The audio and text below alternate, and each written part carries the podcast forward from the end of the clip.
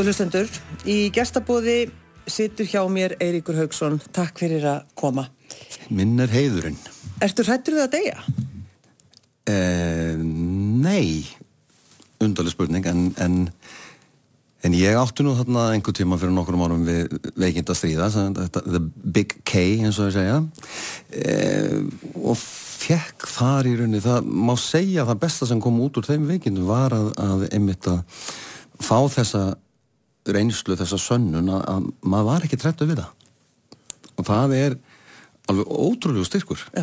Menn þurfa eiginlega bara að hafa lengt í því til þess að fatta það.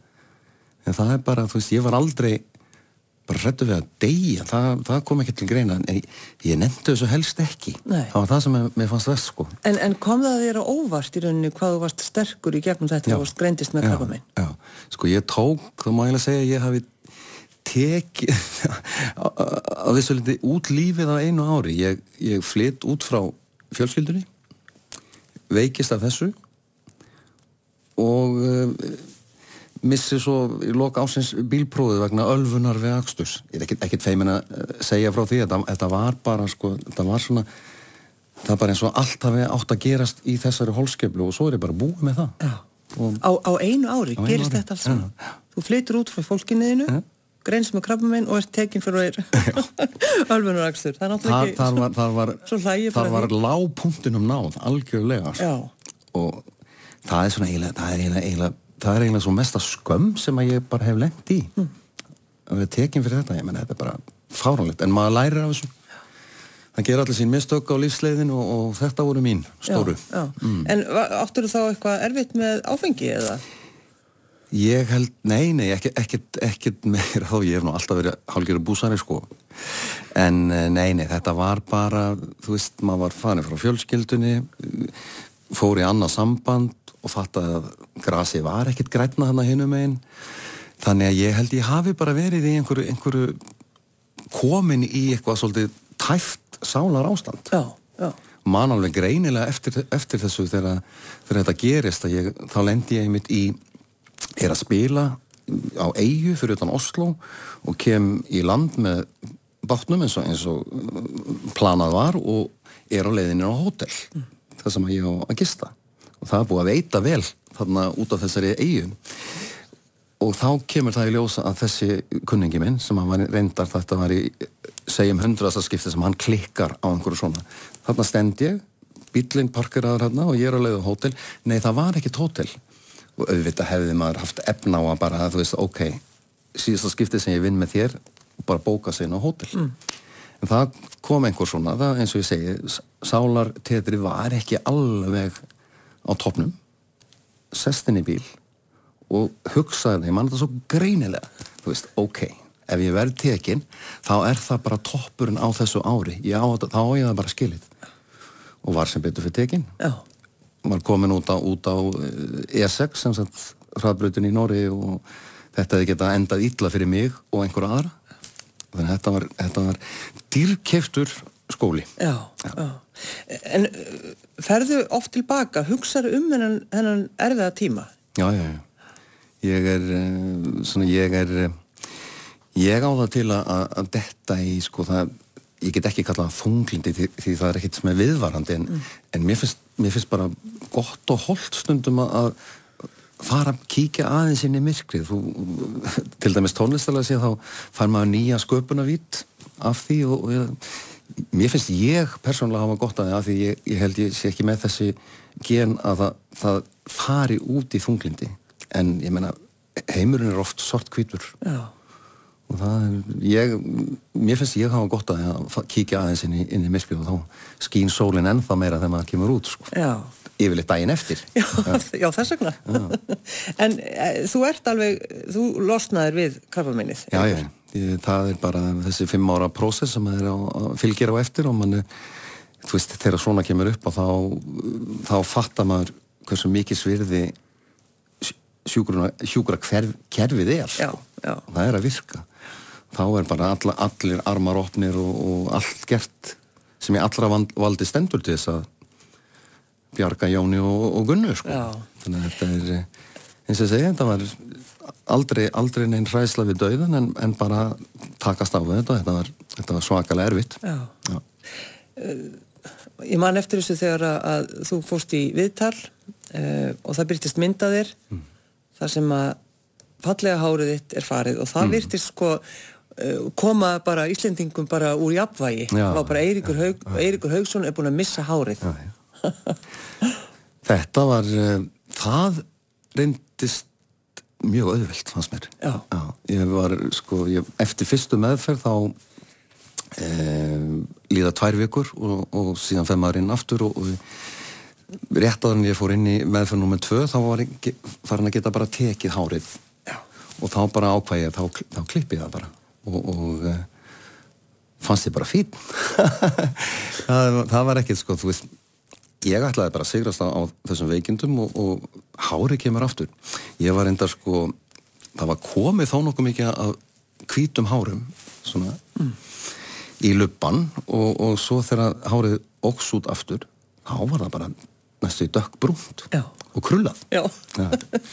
þannig að maður má náttúrulega ekki segja svona, en ég hef oft haft í flimtingum ég meina, þú veist ok, ef maður er með garantíu fyrir þetta gangi vilja á lókum, þá, þá er ímiðslegt positíft í, í krabba minni læt til dæmis með hárvöxt Já, já. þetta fína hár En að því, að því þú nefnir þetta, Eiríkur, og þú hefur skilið við þína konu mm.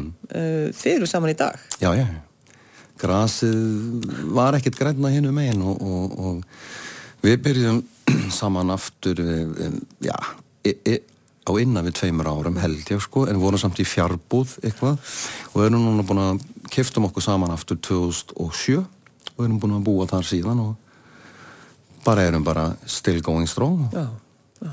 ég held að fá ekki það verður ekki sem nýka því núna sko. Nei, en þurftur að sannfæra hana um það að taka við þér aftur? Hún, það... Já, já, öruglega en hún, þessi elska, hún var ekkert ég held að hún var ekkert látað mig finna fyrir því Nei. það verður öruglega öruglega tekið tíma sinna að byggja upp tröstið aftur sko en ég hef náðið því þó Já, mm. já Hvað er þetta að gera í Nóri, Eirik Hauðsson? Sko, ég er nú búin að lifa af tónlistinni þar má segja í öll ár en alltaf verið svona viðlóðandi kennslu verið taka forföll hér og þar kannski fjóra tími einhver dag og kannski tvær vikur ef að, ef að það var lítið að gera í tónlistinni en, og um, það harmonera mjög vel kennsla og, og tónlist.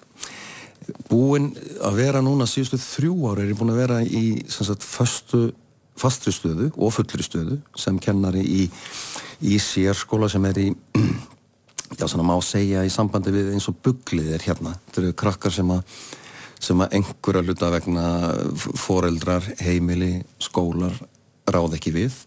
Það getur verið eh, atferðisvandamál, það getur verið kynferðislega misnótað mm. og anorexia, allt það rætti göttuna. Þannig að þetta, er fjölbreytt og þetta er, manni finnst einhvern veginn svolítið eiginlega þess ekki hægt að segja þetta sé skemmtilegt starf en það er það og það er mjög gefandi og, og maður sér árangur. Já. En þá þarf þú sjálfur er það ekki að vera alltaf bara tilbúin að takast á við þetta og þarf þú að vera sjálfur að vera opinn og, og, og persónulegur? Þetta er sko mitt starf en miklu meira að, að vera til dæmis föður ímynd uppalandi því að flestur þessi krakkar eru þeir vit, vit ekkit verra enn skóla og hafa slæmar einslu á skóla þannig að það er miklu mikilvægar að, að geta byggt upp sjálfsmynd, sjálfströst heldur en að einhver kunni markvöldunatöfluna þannig að mér finnst þetta bara að vera mikil forréttind að bara fá að hjálpa þessum krokkum það er allir, er allir fættir jafn góðir. Já. þannig að þetta, þetta er ekki það má segja 90% er þetta er þetta afleiðinga það er eitthvað sem hefur, eitthvað sem hefur klikkað í uppvexturum sem er þá ábyrð fullonins fólks. Já, já. En þegar að krakkarnir hitta þig í fyrsta skipti, þegar þú mætir í hérna með síðahárið þitt og silfurringana og... Er, er þú kennari? já, það, það er svolítið svolítið. Ég held ég, ég, held ég fái reyndar pínulítið ókeppis út á lukkið ef, ef við notum það, veist, þetta er ekki, þetta er ekki eins, og, eins og flesti kennar að líta út í, í, í vanlegum skóla og, og það er oft hannig að kannski foreldrarnir sem að fylgja þeim eða fóstufóreldrar eða, eða frá einhverju stopnum þau þekkja mig úr tónlistinu og þessi nú, hann, hann er nú í rockbandi þessi. Já. og það virkar, virkar ágætlega. Og ég reyna að nota við erum með ágætist tónlistarherbyggja hérna í skólarum með trommusett og bassagræður, gítagræður söngkerfi og, og ég nota það ef að ég finn að krakkarnir hafa einhvern áhuga. Oft er það, þú veist, það kemur einhver strákur og hann lemur á einhverja trommur og svo er það bara búið. Hann er ekki með, er ekki með þetta í sér en, en þau sem að sína áhuga, þau hafa þá allavega einhvern sem að getur hjálpað þeim og það er æslegt Við byrjuðum þáttinn á, á Segur mm. lagi sem Jónatan var að tala um uh, Þegar þú hlustar á Gaggo Vest mm. hvað hvað ert að hugsa? Hvaða mynd dregur upp? Uh, oft, oft hugsa ég tilbaka þegar ég var í, í hljóriða í Hafnarfjörðu og var, var að syngja inn lægið, bæði þetta bæði Gaggo og svo Gull.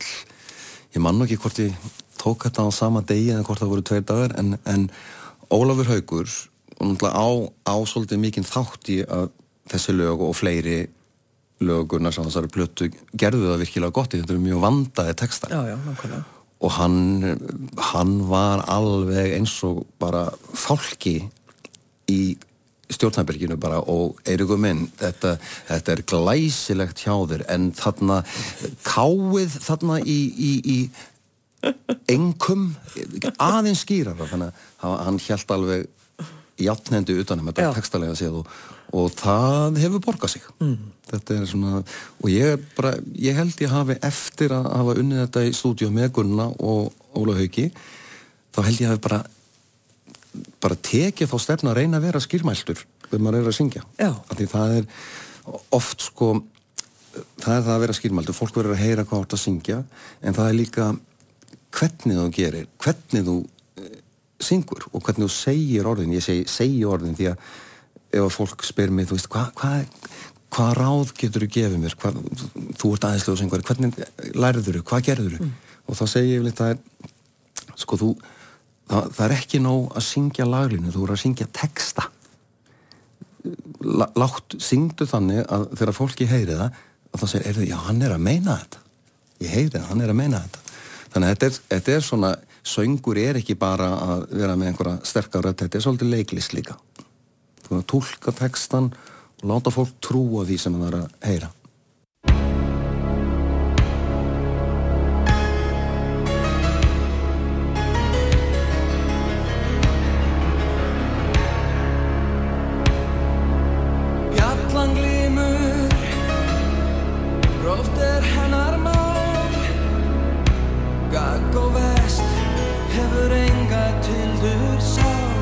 enthousiast, enthousiast.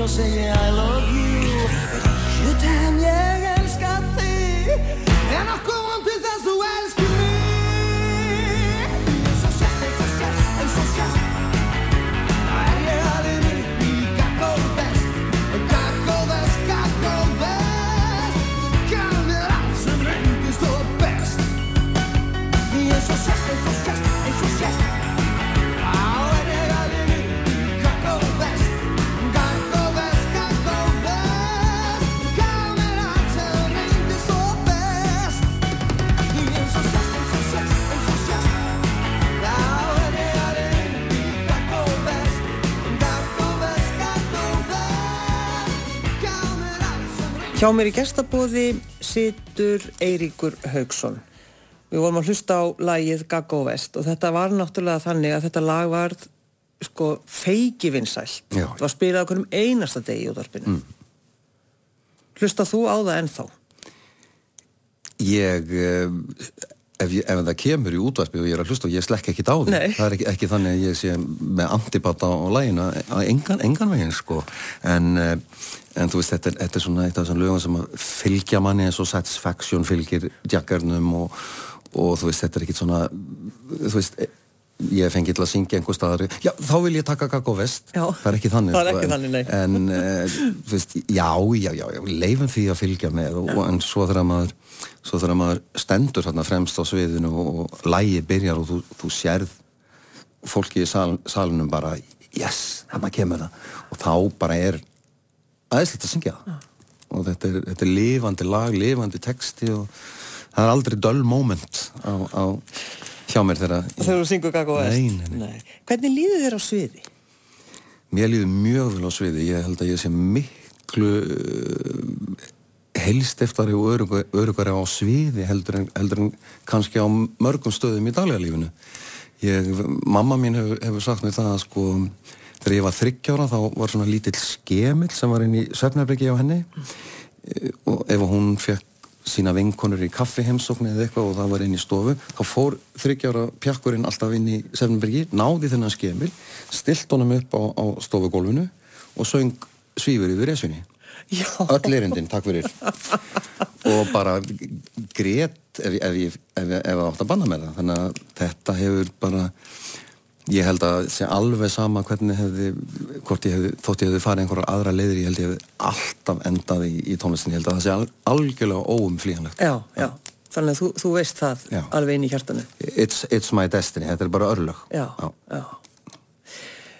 Er einhver tíma, tími fyrir utan þetta sem við byrjuðum að tala um þegar þú færð krabbameinið Mm. og skilur og allt þetta en hefur þú lent í sko, erfiðum tíma fyrir utan þetta? Nei, því ég held ég verða, verði bara að svara því neitandi, ég menna, þú veist, það er ekkit allir dagar himnasæla. Nei, nei. Ég menna, hvorki, hvorki í vinnu eða í hjónabandi, það er bara, en, en ef maður lítur á þetta í heilsinni, þá verði ég bara, verði ég bara að segja að ég hef bara lifað alveg ótrúlega góðu lífi og er þakkláttur fyrir það. Já. Og það er eins, eins og ég segi, þú veist, maður getur, getur kíkt inn í svartnættið en það hefur aldrei verið neitt grunnu fyrir því að, dvelja þar mm. ég, er, ég er mjög sæll En ertu, ertu mjög þekktur í Nóri?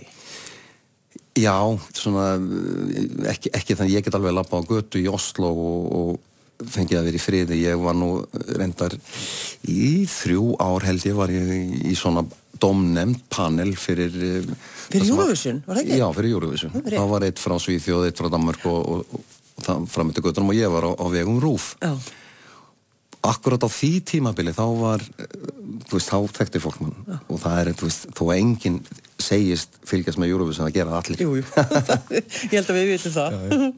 Já, En, en ertu í hljómsveit í dag þá? Ég er, Hvernig ég er nú reyndar bara í, í sko ég, ég er allavega í tveimur hljónsum.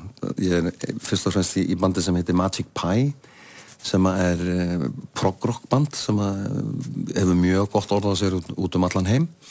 Ég er líka í prog-bandi sem heitir Kers Pink en það er svona meira band sem að bara gerir, ég er, er, er að koma út núna plata nummer tvö með mér, með þeim en það er bara stúdjó, plata, útgáfa tónleikar og búið. Já, ekkert meira. Nei, æðislegt. Já, það, Já, því, þess vegna get ég verið í þessum tveimur böndum, það Já. sta- stangast ekkit á. Og svo er ég búin að ég er að fara að byrja núna í miðjan september er ég að byrja á síðasta og sjöunda ári í, í, í prósetti sem við kallum It was 50 years ago today og það, þar erum við að taka allan bílakatalógin frá ári til árs, allt sem að þeir gá út.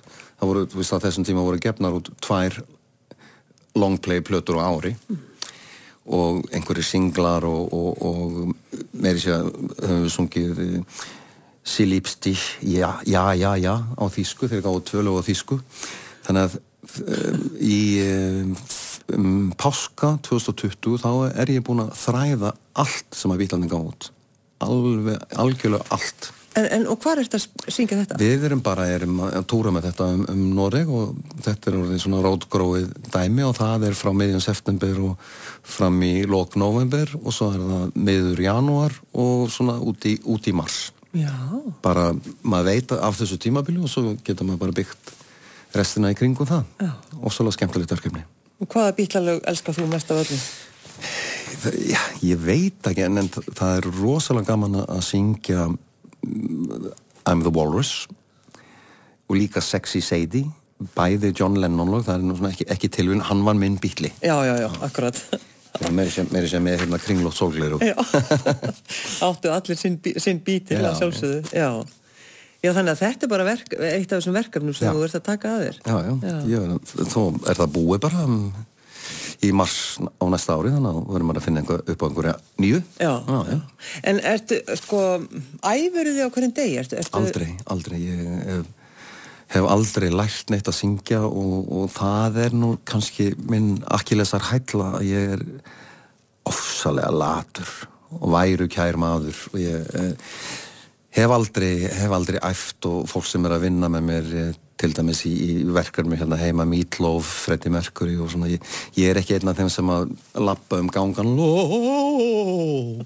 Þetta er bara, ég fæ mér bara fæ mér bara eitt góðan og læt bara slag, Lætur vaða. slag standa. Já, en er það sko, þú veist, þú veist að þú hefur góða rödd. Já, já, ég hérna og veit alveg hvað ég get og þú veist, maður á sína slæmu daga. Ég meina, menn geta verið með konsert í, í kvöld og, og fengu hálsbólgu í gær. Er nú sem, sem betur fyrir mjög sjálfgjátt hjá mér og, og ég held líka að þetta sé svolítið andlegt hjá söngurum veit að margir óperusöngurar hafa talað um þetta. Já, já. þegar stóra stundin kemur þá allt í henni kemur einhver hálsbólga. Já. en, eh, en eh, ég veit alveg nákvæmlega hvar ég stend og, og treysti minni rödd og, og er orðin það reyndur að þegar maður lendir í, í einhverju basli út af veikindu þá eða eitthvað sko, þá, þá höfum maður þenn, þennan eh, styrk og þessa reynslu að maður getur þá bara gert sitt besta og maður fer ekkert í, í köku út af því. Það er bara, þú veist, hér er ég og, og auðvitað ger ég mitt besta. Ég er ekki eins góður eins og ég hefði viljað vera en this is what you get, Já. þetta fáum við En hefur röddiðin, er ykkur breyst mikið þegnum árin? Já, hún er svona, ég er svona ég er svona tveimur til þremur hálftónum lægri en ég var til dæmis mm, þegar ég svona gull um, Já, ef, ef ég myndi syngja gull í dag sem ég gerir sennilega 4. júli þá myndi ég sennilega taka það niður um eitt tón Já.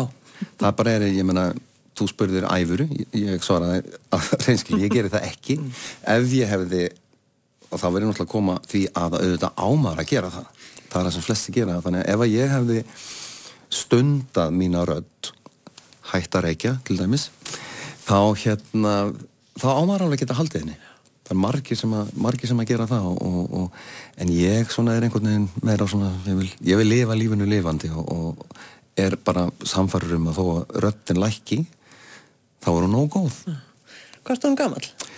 Já, það, þetta er bara konsertin í, í 4. júli er 60 amali mitt Já. þannig að verði 60 ára, 4. júli Hviður því? Nei, mér fannst astnalegt að verða færtur mér fannst gull að verða 50 og ég bara, ég alltaf trúið ennþá að ég sé að ná þessu að verða 60 ég, ég er búin að lifa mínu rocklífi og, og ekkert feimið feimi við að segja það og þannig að, en ég bara er með einhver, ég er með einhver góðkinn ég hef það frá mútu eldres kona að verða nýra Já, já, þetta er tvö ár eða eitthvað já, þannig að þú ert mömmu. já, já, ég er með möm- mömmu gen Þú ert með ge- genin hennar, já. Við erum búin að hlusta á uh, Segur og Gaggo Vest. Mm. Uh, eitt af mínum uppáhalds Eurovision lögum er lag sem þú söngst. Mm. Ég les úr lófa þínum. Einmitt. Það var, uh, sko ég var 100% ákveðin í að þetta var búið. Ég var búin að syngja Gleðibankan 86, ég tók þátt fyrir Noreg uh, 91 uh, og þa- þetta var búið en svo fekk ég sendt þetta lag og bara fjall fyrir því, mér fannst eins, eins og þér, mér fannst þetta skemmtilegt lag og bara heyrða þetta geti, þetta geti tekið vel. Já. Þannig að ég lett tilleiðast og, og átti náttúrulega ekki vona því að, að þetta lag myndi sigra, fórkeppninni hérna heima, en, en áttaði mig svo á því þegar, þegar leiða nær, því, því nær sem leið þessari keppni að ég var að heyra það utan að mér að veist, þetta lag er bara sjöfustranglegt og ok, þá verð ég bara að taka því, því ég var ekki tilbúin til að fara ellendis með þetta aftur, en þannig fór það og það er í rauninni eina skipti sem að ég hef af þessum þremur Eurovision dæmum, þetta er eina skipti sem ég hef farið með lag sem að var mitt frá uppæfi annar, ég er ekki lagahöfundur og ekki textahöfundur en, en þetta var Eiki Haugs frá uppæfi Gleðibankin eins og Jónatan kom inn á það var búið til. Eh, 91 þegar ég er fyrir Noreg þá droppaði norska sjónvarpið öllum innsendum lögum, fannst þetta að vera drast, þetta var helja mikið fjölmilamál og næstum því bara uppreisn í landinu. Og þá var ég í, í söngkvartet með Hanne Krog, Bobby Socks og tveimur öðrum, Marianne Antonsson og, og eh, Jan Grút við vorum bara ráðinn akkurat eins og ég var ráðinn að rúf til að vera með í æsi, þá vorum við bara ráðinn af NRK til að gera þetta. Og svo kemur hérna Valentine Lost. Það, það sem ég vann eitthvað og Já. hafði eitthvað erindi. Og það er, það er svolítið mikill munur þar á og ég, þú veist, Eurovision er umdeld en, en ég get alveg hvort, hvert sem er hvort sem að menn eru þungarokkarar eða popparar þú veist, hvar annar staðar á þínu ferli færðu tækifæri til að syngja fyrir þessa miljónir manns. Ef þú ert með, þú veist ég var ekkert með mitt lag 86, ég var keiftur ég var ekki með mitt lag 91, ég var keiftur en þarna er ég með lag og, og það komst ekki í úslit en ég fekk alveg rosalega mikið út úr því. Af því að ég fluttið þetta á samfæringu og held að það hafi gengið bara vel fekk fullt af kontaktum ellendis eftir þetta. Þannig að Nú það er bara það? Já, já, já. þannig að þú veist, ef að fólk er með lag sem að því finnst að þetta, þetta getur presentera mig, þetta er ég. Okkur ekki gera það fyrir einhverja 20 miljóna Já, áður við settumst hérna inn þá fórstu einmitt að tala um það ég hefði átt að syngja það á íslensku. Já, mér finnst það svona eftir á. Já. finnst mér það, en, en ég var alveg með þeirri ákvörðun að gera þetta á einsku maður var svona svolítið svona blindaður af því já, þú veist, ef þú, ætlar að meika ef þú ætlar að eiga möguleika á sigri þá en það er svona, eftir, eftir á hyggjan segir mér það, ég hugsa að við höfum fengið fleiri stig mm. ef við höfum sungið á íslensku Varstu fyrir vonbröðum að komast ekki upp? Já, ég var það, því að ég hafði, hafði trú á sig, en þetta var reyndar árið sem að er allra erfiðasta ár í sögu Eurovision að komast upp á millirið, það var bara einn milliriðil riðil, Já. og það voru tíu þjóðir sem voru búnar að tryggja sér sæti það voru þessar fimm stóru og svo fyrstu fimm sætin þar á eftir sko, eða, já þannig að það voru hvað var þetta, þetta voru 24 þjóðir sem að keftum tíu sæti. Og þetta var eiginlega fyrsta árið sem að sem að Östublokkin eiginlega bara sprakk og bara, wow, þarna komu þau og bara Tók yfir bara. Tók yfir Já. já. og það er bara gott mál. En það kom mjög óvart. Það var hérna sko, ægi, þú veist maður er þetta er sönglaga keppni en, en maður er söngvari sjálfur þannig að maður er alltaf að hlusta á rattirnar og þarna var fólk að fara áfram sem syngur ramfalst en er í einhverjum réttum fötum og rétta hárgreislu þannig að veist, ég var svolítið pyrraður yfir, ég skal, ég skal alveg viðkynna það en ég komst mjög fljótt yfir það. Ég, það var, það var svolítið fyndið. Eh, það, var, það eru svíjar sem sjá um allt tækni mál, tón, tón og, og, og allt það. Og það var stelpa sem að tóka mót okkur í, inn á svið inn á svið og svo tók á mót okkur þegar við vorum að koma út af svið í, í pröfum þannig að með Lóan eða Valentine. Og svo eftir síðustu pröfu þá, þá spyr hún mig Herðu, syngur þú aldrei falskt? ég sagði nei, á maður að gera það. En þú veist, þetta er, þetta er svo, það eru svo misjöfn gæðin á flutningi í þessari keppni að stundum finnst manni bara grátlegt hvað fólk kemst upp með og þá er ég ekki að tala um sko, menn verða, menn verða til dæmis með Östurblokkina, Búlgari, Rúmani og svona, það er öll, all, alltaf aðri frasar í gangi þar heldur en við erum vön. Og það verður maður, að læra að meta. En ég get aldrei sagt mig við syngur falskt. Það, það, það á bara að vera inn á baði. Skulum hlista lagið.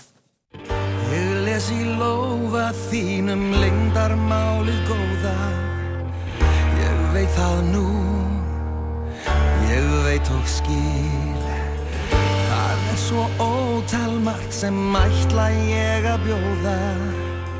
Já, betra líf með ást og hýr Í lófa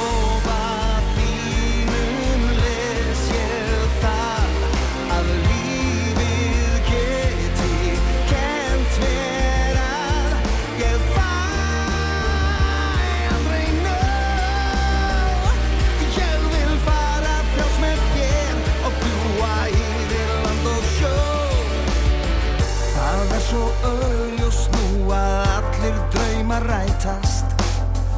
Við höldum frjáls um höf og lönd. Um lífið leikum við og lofar okkar mætast.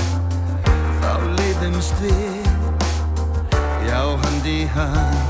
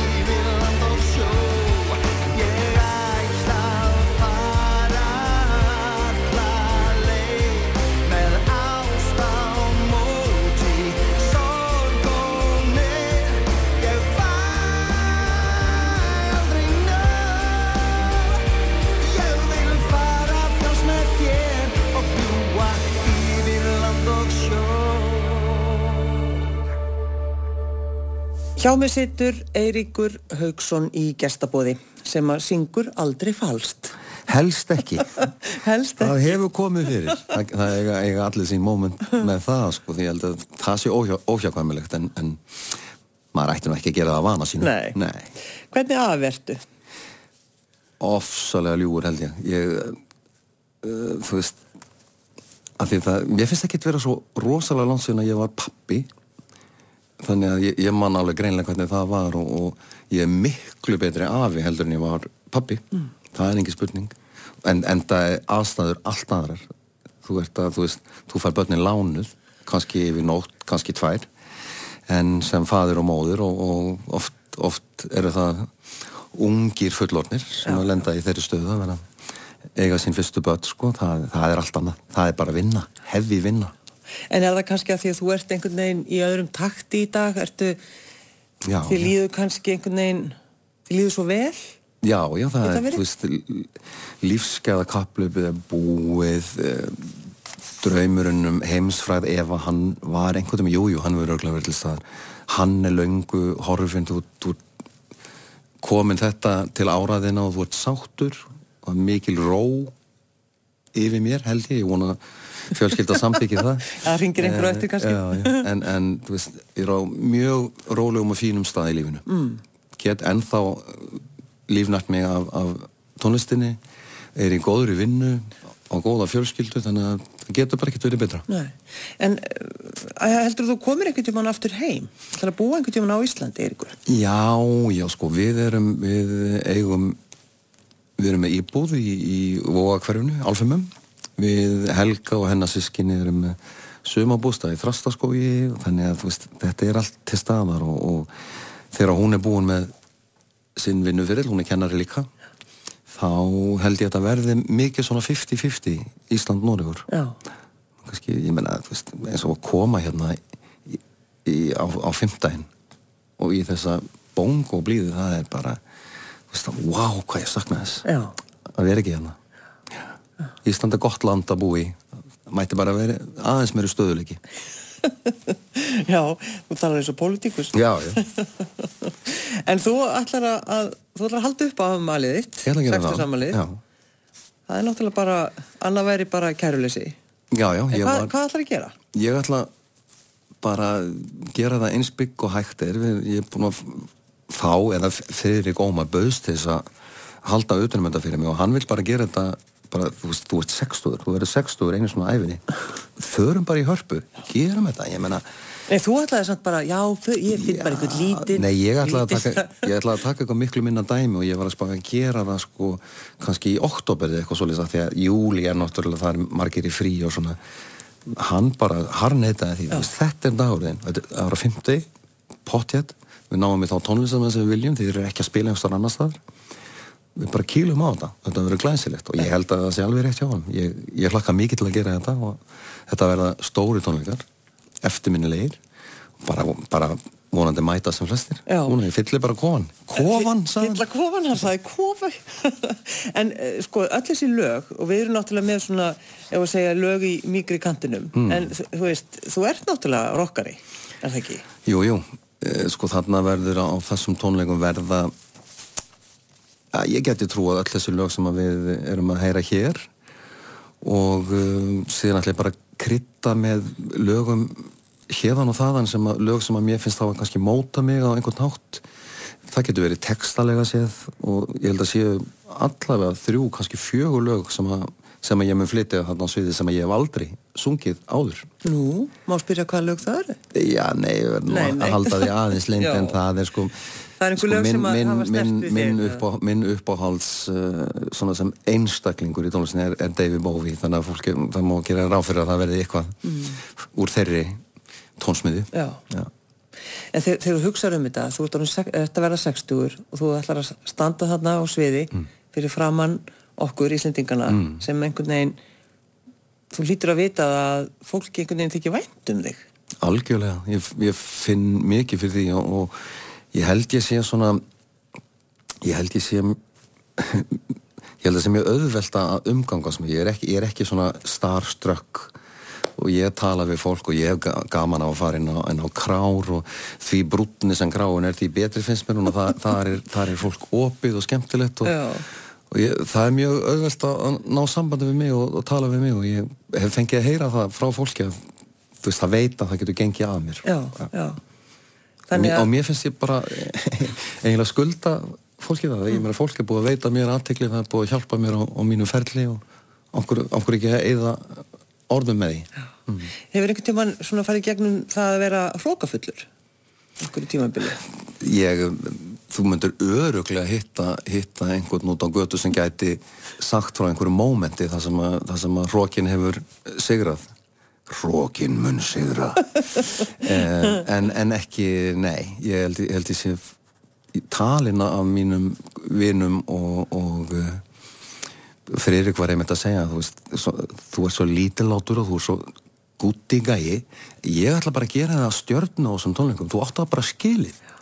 Þannig að ég finnst ágætt að fá sparki bakendan með Já, það. Ég er svona, ég er svona ég er alveg, væri alveg til að óta þér framar á sviðið ef, ef við ættum að standa saman. Þannig ég, nei, ég held að sé, sé engin rokkakíkur Er það mikilvægt fyrir þig, Eiríkur Haugsson, að lifa lífinu fallega?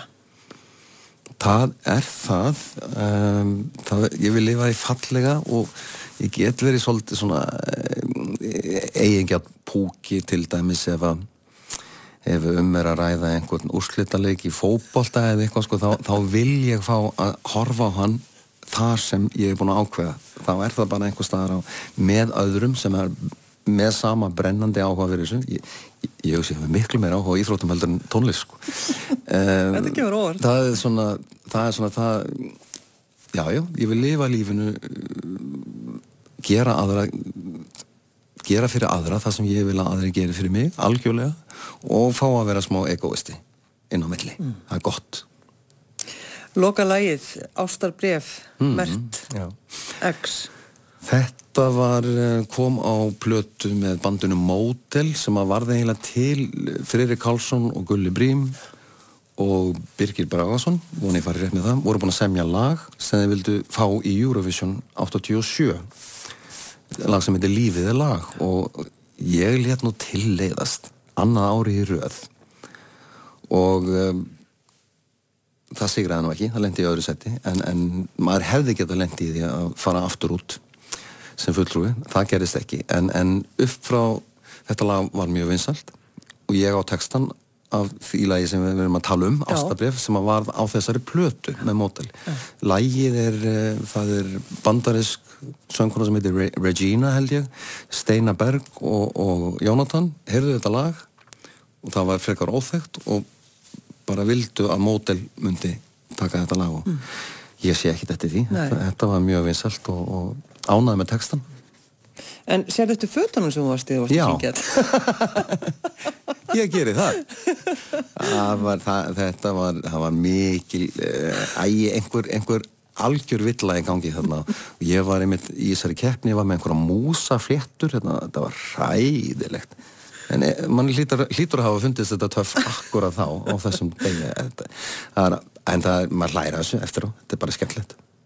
Eiríkur Haugsson, takk fyrir að koma í gestabóð. Takk fyrir, hugulegt. Lítið ástabref, mert X til því. Lítið ástabref, mert X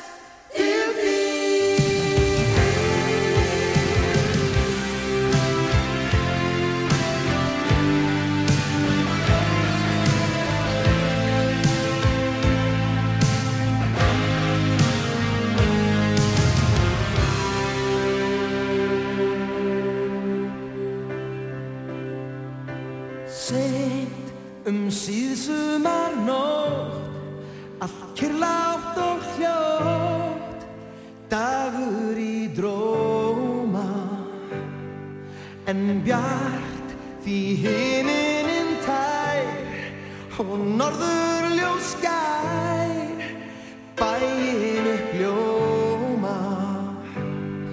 Og mér finnst sem ég hafi fundið stund og stað Til að skrifa þér allt um það sem ég ekki kem orðum að.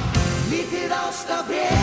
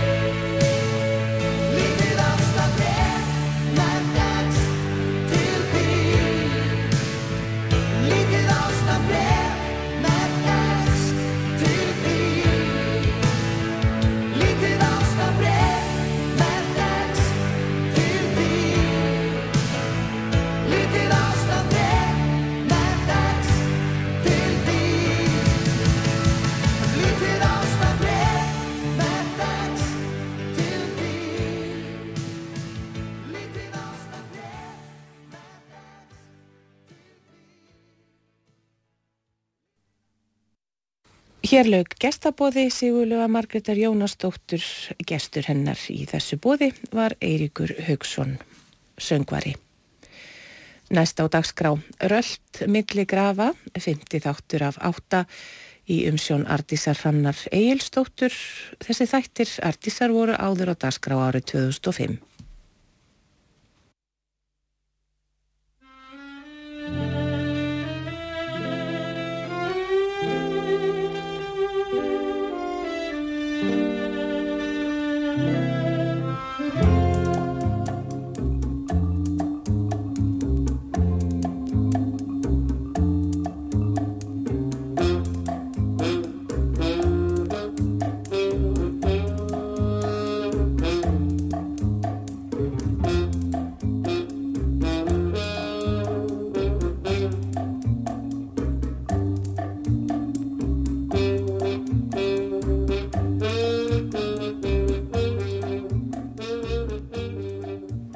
Kæru hlustendur.